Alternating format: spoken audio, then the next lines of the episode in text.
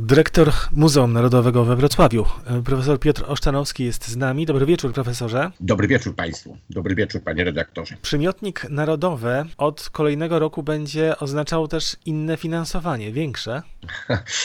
Powiem tak, że jesteśmy w trakcie jakby przygotowań e, do zmiany jakby organizatora. Wszak przypomnę, dzisiaj jesteśmy w dalszym ciągu instytucją współprowadzoną przez samorząd województwa dolnośląskiego i przez Ministerstwo Kultury, Dziedzictwa Narodowego i Sportu. Rzeczywiście e, od przyszłego roku no, chcielibyśmy to wszak żadna niespodzianka, to jest marzenie, które było zawsze zgłaszane przez muzealników wrocławskich tej instytucji. Dziś okazuje się, że jest taka możliwość i chcemy z tego rzeczywiście skorzystać, po to między innymi, aby oddać no, rzeczywistą rangę tej kolekcji i też tej instytucji ludziom w niej pracującym. Zatem czynimy starania, to jest żmudny y, projekt, y, w sensie, że wymaga sporo pracy, przygotowań, no, ale ufam, wierzę, mam nadzieję, że rzeczywiście z dniem 1 stycznia 2022 roku możemy, podobnie jak Muzeum Narodowe w Warszawie, w Krakowie, w Poznaniu, e, w Kielcach czy w Lublinie, powiedzieć, że jesteśmy instytucją w pełni państwową, czyli ministerialną. Ja zadałem pytanie o finansowe aspekty, ale przypuszczam, że nie tylko o finanse tu chodzi, jeśli idzie o tę zmianę organizatora, że będzie to ministerialna y, instytucja. Oczywiście, że, że to jest cały wachlarz jakby nowych możliwości, które otwierają się przed instytucją, która jest w całości prowadzona przez ministerstwo. Przypomnę wszak my dzisiaj na przykład nie możemy startować w wielu ministerialnych konkursach, y, y, projektach, grantach, właśnie dlatego, że jesteśmy współprowadzeni. To daje nam pewne nowe możliwości. No i cóż, no, wydaje nam się, że e, wszak niedawno, w tamtym roku, w listopadzie, obchodziliśmy 50-lecie istnienia Muzeum Narodowego we Wrocławiu, bo przypomnę, choć rozpoczynaliśmy jako Muzeum Państwowe, potem Śląskie, to od 1970 roku byliśmy Muzeum Narodowym. I chcielibyśmy, bo jak mówię, no, y, trudno nam jest do końca zrozumieć, dlaczego no, takie instytucje jak właśnie krakowska, warszawska poznają jakby możliwość bycia tymi państwowymi, a nam przypadła tutaj rola czy też zadania, które dzielą jakby no, w sensie e, organizacyjnym. Proszę pamiętać, no, dwóch organizatorów to jest podwójna sprawozdawczość, to jest podwójna decyzyjność, to jest oczywiście szereg y, działań, które myślę, że dla skuteczności i efektywności pracy tej instytucji można uprościć. Jednym z tych rozwiązań jest właśnie uczynienie ją w pełni ministerialną, czyli państwową. Panie dyrektorze, muzeum zamknięte do odwołania. Taki komunikat widnieje na stronie internetowej Muzeum Narodowego we Wrocławiu. To frustrująca sytuacja? Powiem tak, no oczywiście przypomnę, że e, za chwilę wraz z końcem tego tygodnia to będzie równo trzy miesiące, jak pozostajemy e, zamknięci. To oczywiście nie wpływa korzystnie na e, instytucję.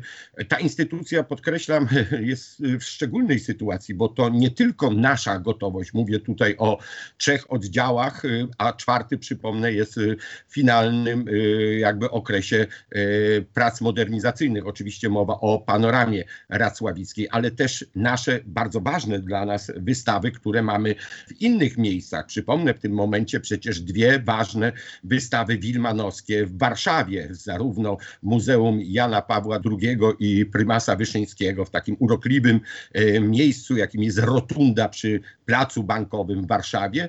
Tam jest e, Wilman Enkor Męczeństwa Apostołów, jak i również Muzeum Archidiecezji Warszawskiej, gdzie pokazujemy drugą część naszej wystawy wilmanowskiej. Przypomnę, ta Wilman Opus Magnum była prawie przez 10 miesięcy prezentowana tu we Wrocławiu, Muzeum Sztuki Współczesnej w pawilonie Czterech Kopuł. Dzisiaj Wilman opus minor, mniejsze formy, grafiki, rysunki, e, mniejsze obrazy można mam nadzieję, bo na to czekamy, też podziwiać właśnie w Warszawie. Oprócz tego są dwie wystawy Muzeum Piastów Śląskich Brzegu, znakomity fragment kolekcji sztuki średniowiecznej i nowożytnej, renesansowej, manierystycznej, barokowej ze zbiorów Muzeum Narodowego. No i te ostatnie nasze dziecko, z którego też jesteśmy wyjątkowo dumni, Zamek Książ. Dziś to w tym roku będziemy już obchodzić szóstą rocznicę naszej współpracy, która ponownie przełoży się na kolejne dzieła sztuki, już nie tylko, bo też wyroby rzemiosła artystycznego pochodzące z dawnej kolekcji Hochbergów, które będziemy chcieli jak mówię, co rok, prorok przywracać do tego niezwykłego miejsca. A zatem odczuwamy ten deficyt braku kontaktu e, z naszą publicznością. Wszystkie sale u nas, mówię o gmachu głównym, wypełnione są jakże ciekawymi wystawami czasowymi, bo przecież Mój Boże, no Madonna Kranacha czeka na Państwa. Czeka wspaniały pokaz mebli, konkretnie stołów, płaszczyzna porozumienia, wystawa czasowa. Nadal jest e, Lebenstein i Oberländer, znakomici artyści pokolenia Arsenału. I wreszcie w dalszym ciągu jakże bolesne doświadczenia cofają nas wraz ze skarbem średzkim do czasów średniowiecznej zarazy. Ale przecież i kolejne wystawy powstają i będą przygotowywane. Oczywiście wszystko zależy od decyzji, no nie naszych wszak, to są decyzje, które dotyczą wszystkich placówek muzealnych, choć mam nadzieję, bo i doświadczenie nas uczy, że podczas pierwszego lockdownu tego wiosennego właśnie otwarcie rozpoczęte było przez placówki muzealne. One jakby są wysuwane na pierwszą linię jakby właśnie powrotu do normalności. Czy i tym razem to się wydarzy? No, poczekamy, zobaczymy. My na pewno jesteśmy przygotowani. Oczekujemy na ten moment. On dla nas jest niezwykle ważny i co tu dużo mówić, no, nie tylko dla muzeum, ale też i dla ludzi w nim pracujących, którzy no, łakną tego kontaktu. No, po coś ta nasza praca czemuś służy, więc bardzo cierpliwie, choć nie ukrywam już z pewnym zmęczeniem, czekamy na tych pierwszych, którzy przekroczą ponownie gościnne progi naszego muzeum. Wspomniał Pan o tych wystawach, które się zdążyły otworzyć przed tak zwanym lockdownem czy zamknięciem. Madonna pod jodłami Kranacha, była też Makatka Wywrotowa, w październiku otworzył się Młyn Piaskowy Gintera Ikera.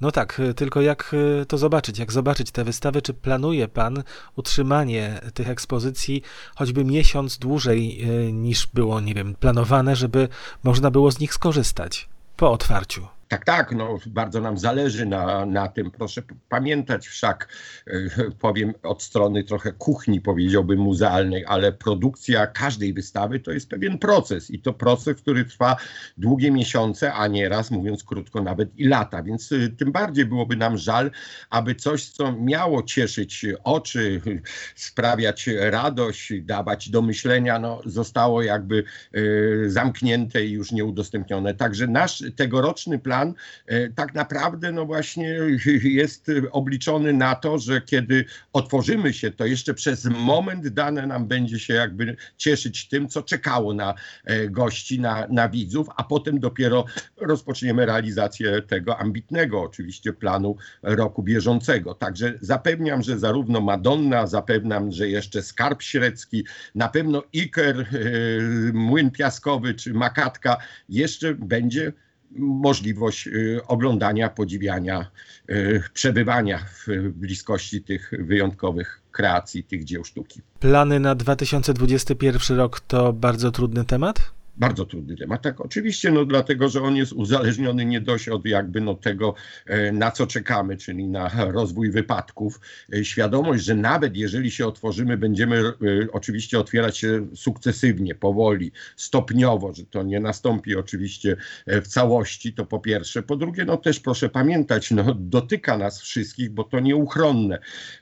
Również kryzys, kryzys między innymi finansowy, w naszym przypadku dwójnasób jakby odczuwamy odczuwamy, bo nie dość, że jesteśmy pozbawieni jakby normalnej obecności widzów, ale też proszę pamiętać, że w dalszym ciągu trwa modernizacja e, budynków Muzeum Panoramy Racławickiej, a nie jest tajemnicą, że dla nas ten oddział jest no, ważny również w wymiarze, powiedziałbym, budżetowym, co oznacza, że no, z pewną powściągliwością, powiedzmy ostrożnością, co nie oznacza, zapewniam Państwa, bo wszak nie może być inaczej, że te plany jednak y, przybierają jakby już konkretne kształty. No, niewątpliwie staramy się pokazać wystawy, które są, czy przygotować te, które są rodzajem pewnej refleksji związanej z tym, co doświadczyliśmy. Temu będzie służyła wystawa, na którą Państwa już zapraszam, o wdzięcznym tytule Bypass. E, to jest coś, co jest wystawą, którą można nazwać wystawą pandemiczną. Ona zrodziła się właśnie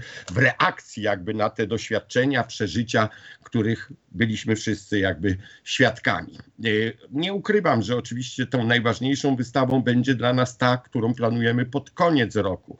A Bakanowicz totalna, to wielka monograficzna wystawa przygotowana przez instytucję, która jest e, no, w posiadaniu największej kolekcji dzieł sztuki, tej jednej z najbardziej znanych w świecie artystek polskich XX wieku. Czujemy się w obowiązku, rodzaj noble oblige, zobowiązania. Skoro mamy, chcemy rzeczywiście, aby ta twórczość, ta spuścizna, ten niezwykły zbiór stał się jakby na swój sposób własnością publiczną, aby można było to podziwiać. Tych wystaw jest kilkanaście, choć jeszcze raz się zastrzegam, to życie, to co się dzieje, będzie pisało scenariusze. My w każdym bądź razie pracujemy, bo musimy, żeby po prostu no, w momencie, kiedy e, wreszcie uda nam się powoli, podkreślam powoli, powracać do tej normalności, być przygotowanym, bo podejrzewamy, że i też nasi goście, ci, którzy zwłaszcza śledzą nasze poczynania online,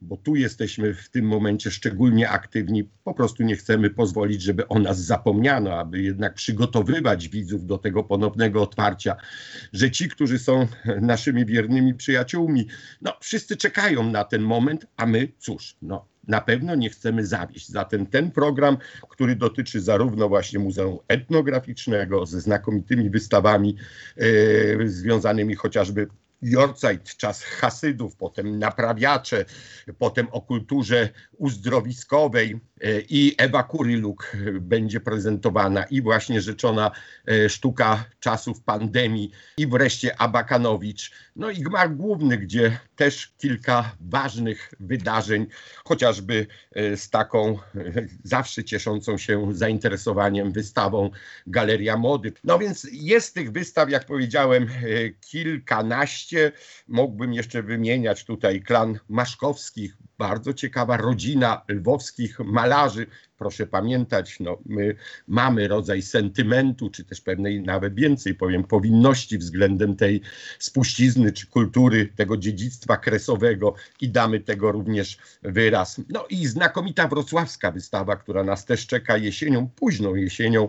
Wrocław według Bacha. No, po raz pierwszy zaprezentujemy niezwykłą, pełną kolekcję rysunków yy, ukazujących dawny, XIX-wieczny z początków yy, tego stulecia Wrocław utrwalony przez y, y, grupę artystów tutaj żyjących i pracujących. A zatem rzeczywiście plany są ambitne, choć no, uczciwie mówiąc, to wszystko zgodnie z tym, co głosi to już słynne przysłowie, że, czy to powiedzenie, że kiedy człowiek planuje, Pan Bóg się śmieje. Jakby zaczynamy prawie że od nowa, ale z nadzieją patrzymy w przyszłość, bo musimy. Inaczej nie można. Mówił Pan kilkakrotnie dzisiaj o wydarzeniach online.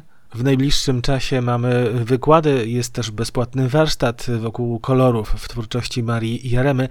A myślał pan, myśleli państwo o takich wystawach, powiedzmy, filmowych, jak te prezentowane jakiś czas temu w kinach z europejskich galerii? Ja powiem tak, że my i tu w tym obszarze jakby czynimy pewne e, eksperymenty czy też doświadczenia. Polecam Państwa uwadze, bo to można w dalszym ciągu oglądać. To nie ginie z przestrzeni wirtualnej, wręcz przeciwnie, utrwala się. E, powołaliśmy do życia taką serię artefakty, gdzie właśnie w krótkich, byśmy powiedzieli, swoistych etiudach opowiadamy o poszczególnych dziełach sztuki, o artystach. E, mamy też dłuższe formy w postaci właśnie wykładów. Myślę, że na pewno jest to pewna wartość dodana tego, co doświadczyliśmy i tego, co, mówiąc uczciwie, nauczyliśmy się.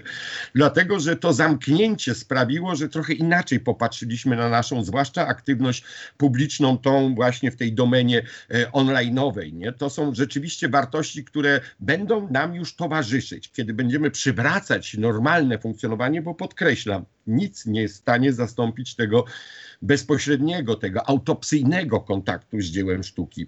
Niemniej jednak w imię popularyzacji, aby zachęcić, aby przekonać, aby na swój sposób skusić. Będziemy dalej rozwijać tę formę właśnie kontaktów y, online'owych, które są, zwracam uwagę, coraz bardziej różnorodne, coraz bogatsze, coraz dłuższe. Myślę, że wcześniej czy później dojdziemy również i do takiej jakby formuły, jaką są powiedzmy, no właśnie takie krótkometrażowe filmy. Proszę mi wierzyć, choć muzeum wydaje się z pozoru nieczynne, senne, wszak ta kartka wisząca na drzwiach do odwołania, to w nim rzeczywiście trwają bardzo intensywne prace i to na wielu, wielu obszarach, wielu polach.